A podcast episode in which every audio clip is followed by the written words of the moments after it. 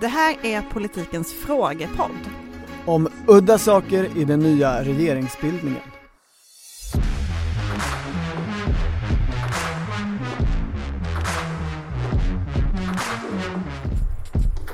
Du hade en fråga till mig, ursäkta, nu tappade jag bort den.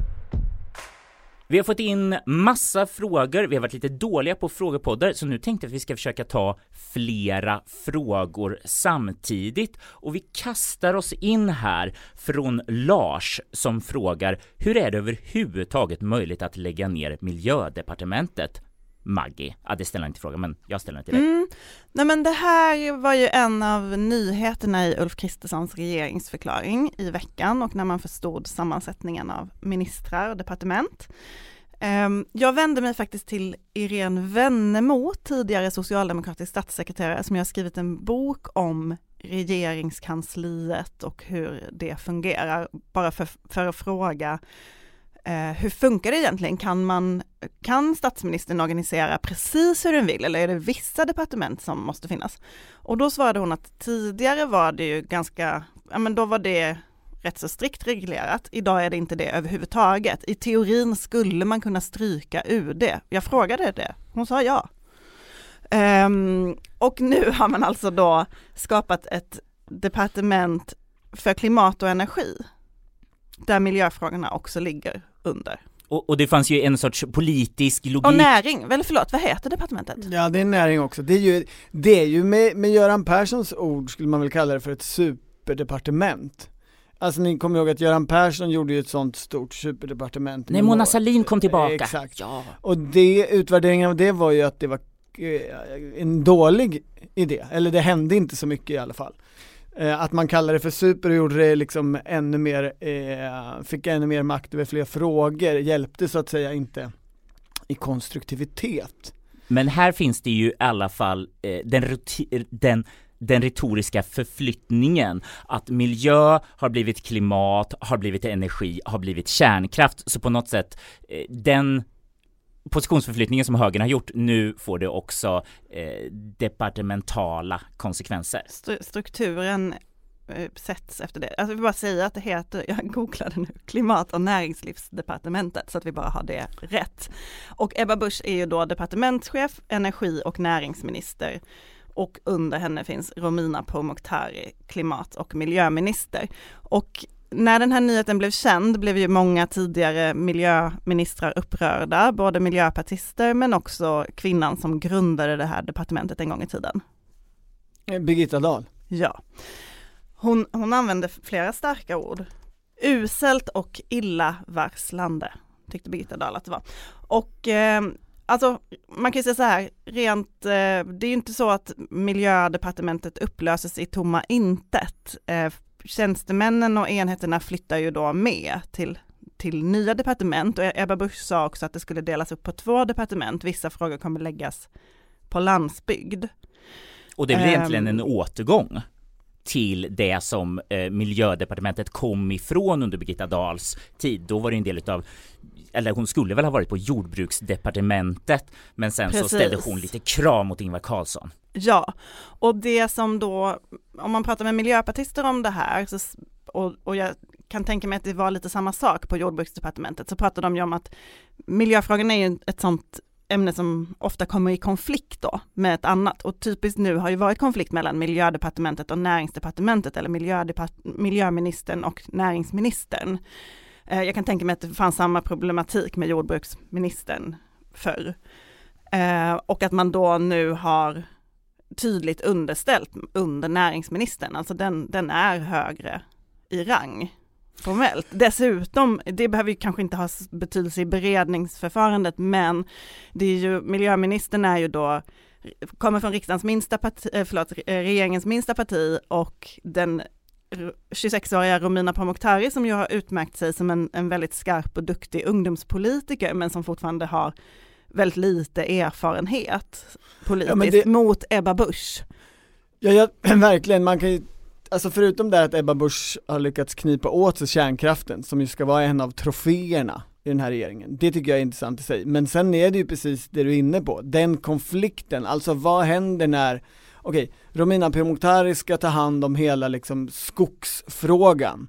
där Bryssel, EU-övermakten eh, liksom håller på att förändra förutsättningarna för, för svenskt skogsbruk helt och hållet. Frågan är om hon ska det eller om det är det som läggs på landsbygd faktiskt, för det sades ju att Peter mm. Kullgren skulle hålla på med skog och jakt.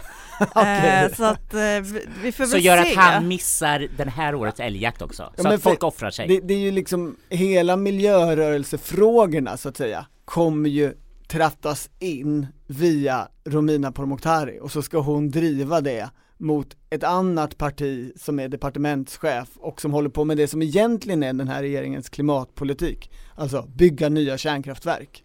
Miljöpartisterna när man pratar med dem säger också att de väldigt medvetet eh, försökte bygga ett stort och starkt miljödepartement där man liksom då ja, men flytt, liksom, försökte få det att växa. Ja. Och man, tänk, man föreställer sig då att nu när det flyttas kommer det då också att krympa, man kanske slår ihop enheter, man kanske liksom drar ner på, på eh, tjänstemännen. Det vet vi inte än, det blir ju intressant att följa men, men i Tidöavtalet var det ju också ganska tydligt och när Ebba Busch presenterade klimatpolitiken att eh, ja, men vissa miljöprövningar ska man inte göra till exempel när det gäller vattenkraften. Eh, men också att miljöpolitiken aldrig får gå i vägen för vanligt folk och svenska företag och sådär. Det, är, det är ju ett skifte här. Det finns ju en sorts miljöbyråkratsmobbning här, eller om man vill att vissa såg ju att Miljöpartiets eviga strategi var ju alltid bara att försena, försena, försena, hålla tillbaka och till slut så hade liksom saker och ting ändrats på marken så att de fick igenom en förändring. Och man kan ju se det här idén om att ha starka experter. Eh, vissa ser ju inte det som så att åh, det är opolitiska experter som på något sätt har makt i, i miljöbyråkratin, utan det är mer aktivister med något sorts liksom akademiskt eh, utanpå verk eh, och som hela tiden hindrar det som andra makter vill. Näringslivet som vill ställa om till grönt och det ska gå snabbt och bygga nya gruvor eller någonting eller mm, ja, jordbruket ja, eller men det är, ju, det är ju ett område där liksom tydliga särintressen ofta står emot varandra. Och med den här departementsindelningen och som man uppfattar fördelningen av frågorna så är det ett tydligt skifte där man liksom lägger tyngden på ena särintressets eh, argument. Och på, på det sättet så är många frågor halvt avgjorda redan på förhand. Eh. Mm. Om man ska säga något annat bara kort, vi måste hinna med fler frågor, men om departementsindelningen så eh, är det ju intressant att Gunnar Strömmer blir en superminister eh, som får både inrikesfrågorna och justitieministerfrågorna men däremot så flyttas ju integration från justitiedepartementet, ligger inte ihop med mig migrationsministern längre utan på arbetsmarknadsdepartementet. Jag må vara slarvig med mitt liv, men jag är baske mig inte slarvig med vare sig politiken eller mina ungars liv. Hey there, it's Michelle Norris. I'm host of a podcast called Your Mama's Kitchen. When I travel, I'm usually looking for a way to find a taste of home when I'm not at home. And one of the things I love to do when I am at home is entertain. And Airbnb allows me to do that. When I was in California recently, I rented a house that had a great kitchen. And when we were sitting around the table, we we're all thinking, we're in someone else's house. Someone could be in all of our homes as well. If you have a home, but you're not always at home, you have an Airbnb. Your home might be worth more than you think. Find out how much at airbnb.com slash host.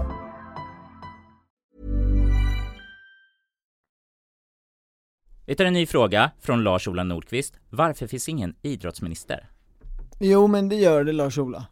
Det, de frågorna Hur? har hamnat på Jakob Forssmed, Kristdemokraten vars titel ju är socialminister på, på det här stora och eh, ministertäta socialdepartementet. Han har eh, i alla fall fått idrottsfrågorna tidigare, de har ibland legat med kulturministern. Men det finns ingen som har titel idrottsminister, som ju Anders Ygeman var.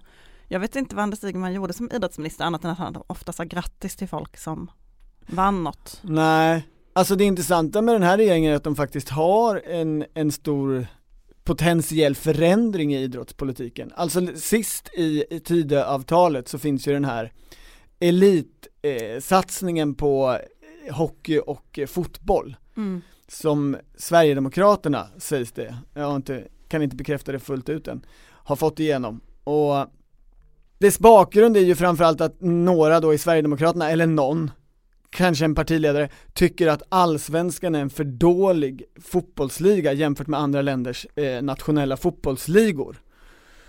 Och den stora pucken som finns där är ju den här 51% regeln om ägande av eh, idrottsklubbarna. Alltså att eh, den, den, regeln finns ju till för att det ska vara kvar liksom civilsamhälle och att det inte ska komma någon, någon rik eh, oligark eller oljeshejk och köpa upp klubben och putta in massa pengar så man kan köpa spelare.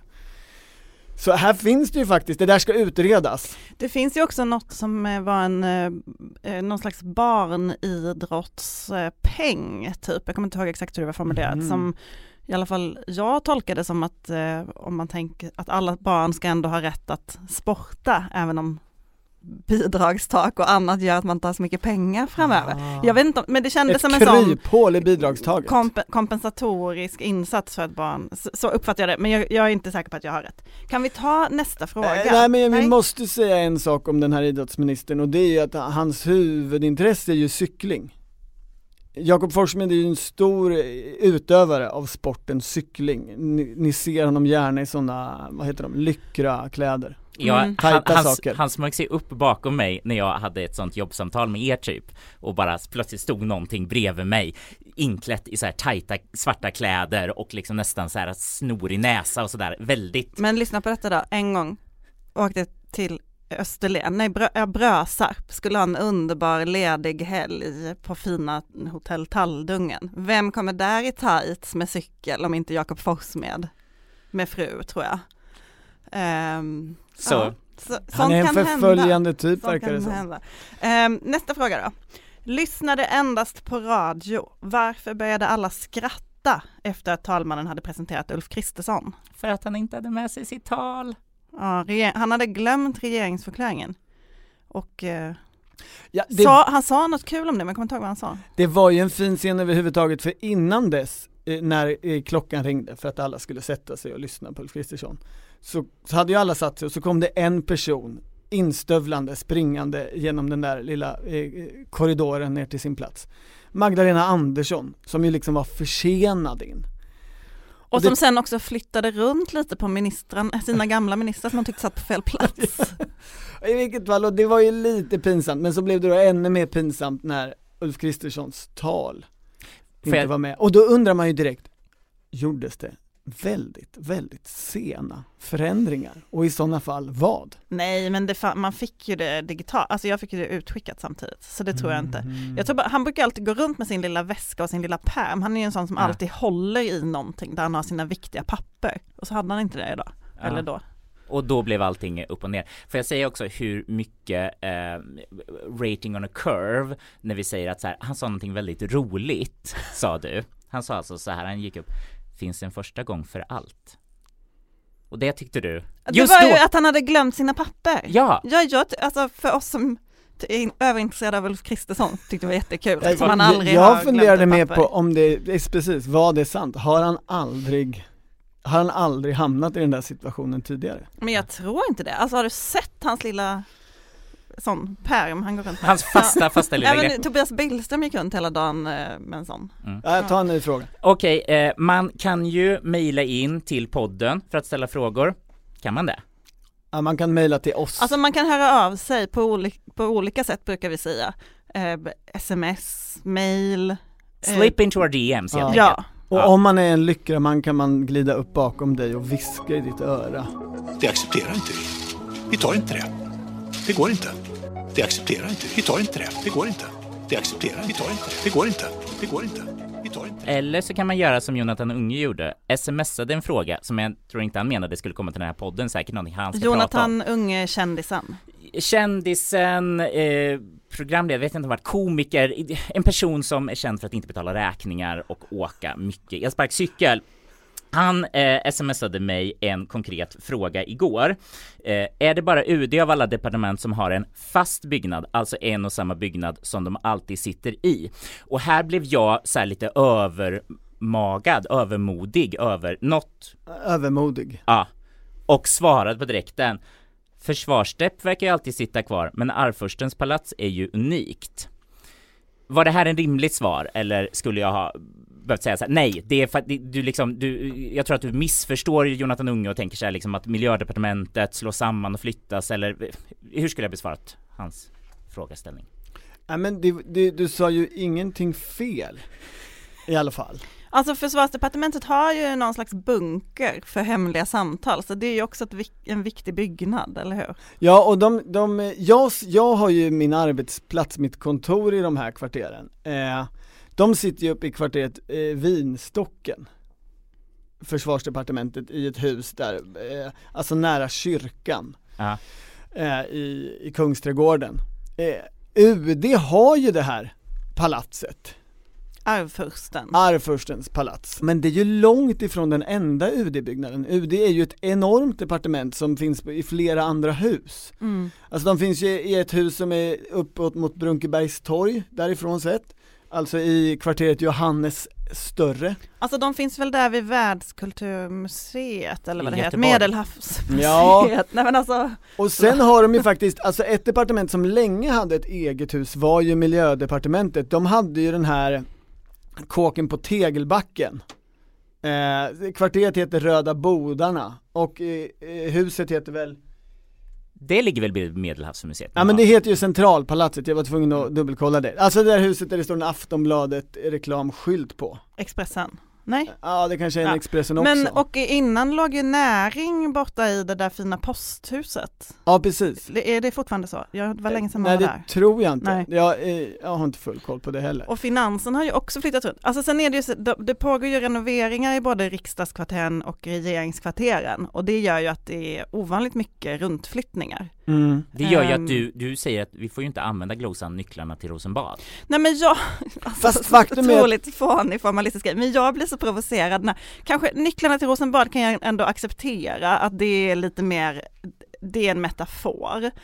Ehm, men ingen har ju suttit i Rosenbad på fyra år, det kom, den där renoveringen är försenad så ingen kommer sitta där ett tag till. Men jag, jag stör mig mer på när Kommer vi hinna få nya kärnkraftverk innan Rosenbad är klart? det tror jag inte. Okej. Men jag irriterar mig på när journalister säger till exempel så här, den rapporten samlade damm på Rosenbad. Och man bara, vadå byggdamm typ? Det finns, sitter ju ingen där. Eller någon SVT-programledare avade för lite sen, det var allt från Rosenbad. Och man bara, nej, det var ju allt från Björnen, som det kvarteret heter, där de sitter nu. Statsrådsberedningen mm, mm. och många andra. Eh, och där presskonferensrummet är. Men, Men, men faktum är, när man tittade ut ifrån riksdagen den här dagen i veckan när eh, Ulf Kristersson avgav sin regeringsförklaring och sen tog sig upp till kungaslottet för att på riktigt bli statsminister. Då hade de ju, åtminstone på de sidor man ser av Rosenbad därifrån, tagit bort alla byggställningar. Och det var ju lite som en tanke att nu, nu, får, nu är han snart på väg att också få återinta den liksom historiska lokalen. Ny, tipptopp, renoverad och allt. Men successivt så blir det ju också så här att en del departement faktiskt blir ganska hemfasta. Jag skulle ju säga att finansdepartementet de var ju i det där fina huset som jag knappt kommer ihåg vad det heter, är det Adelkrantska palatset kanske förr i tiden. Men nu har de ju varit i det här fula huset på, på Jakobsgatan i, i kvarteret Loen heter väl det. det Alltså med det- masken utanför. Ja precis, Eh, och där har de ju varit länge så där, där är ju de hemfasta eller bo, hem, Det- bofasta, hemtama. Ja, det är ett fult hus på många sätt, men det passar väl ett finansdepartement. Det är så kallt och... och eh, Säger det nej? Ja, det säger nej det huset. På ett, och det påminner lite om så här, jag vet inte, brittiska finanskvarter, så här som man tänker sig, eller? Ja, det, det har du rätt i. Jag tänker mest på de här konstiga kvartersnamnen, alltså de är ju, djurnamnen är ju Lon, Björnen, Tigern, där socialdepartementet sitter, och Lejonet som ju då är där UD och eh, även Sagerska palatset. Det är ju ganska tunt om man ska vara liksom finansdepartementet och mäktig och vara Lon. Mm. Om man jämför med en tiger, ett lejon och en björn. Fast björn, alla tycker björn är gulligt, det är därför det låter så fånigt att de sitter där. Jag trodde att vi skulle göra så här, vilket djur skulle kunna döda vilket djur och det, det beror ju på vilken omständighet tror jag. Du bara, nej, du bara, det tror inte jag. Jag tror inte, sätt en lo mot en galen tiger. Jag tror att lon dör varje gång faktiskt. Okej, okay, okej, okay, whatever. Men sen är det ju så här, ofta så blir ju eh, departementen, i meningen alltså de eh, medarbetarna eh, och de opolitiska tjänstemännen, så, så blir det lite för trångt så då får ju någon liten enhet flytta över till ett annat hus där något annat departement i huvudsak sitter. Så egentligen så är det bara en jävla röra i de här kåkarna och det man egentligen vill veta, eller det tänker jag att Jonathan Unge skulle kunna ta, få som uppdrag, för han är, han är bra på att öppna dörrar tänker jag. Det är ju hur de här kulvertsystemen under fungerar och är uppbyggda. Det är ju det riktigt hemliga. Eh, får vi avsluta med att Jag lägger ut det på Unge ja. Mm. Okej, okay, för jag sa i princip så här, ja men det blir inte så mycket flyttar, det kan bli lite flyttar men inte så mycket flyttar och då svarade det sista Flytt är det värsta som finns, stackarna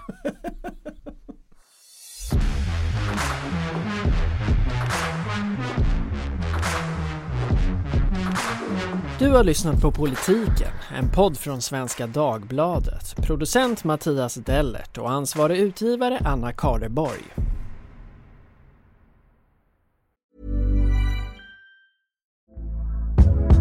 Hey there, it's Michelle Norris. I'm host of a podcast called Your Mama's Kitchen. When I travel, I'm usually looking for a way to find a taste of home when I'm not at home. And one of the things I love to do when I am at home is entertain. And Airbnb allows me to do that. When I was in California recently, I rented a house that had a great kitchen. And when we were sitting around the table, we we're all thinking, we're in someone else's house. Someone could be in all of our homes as well.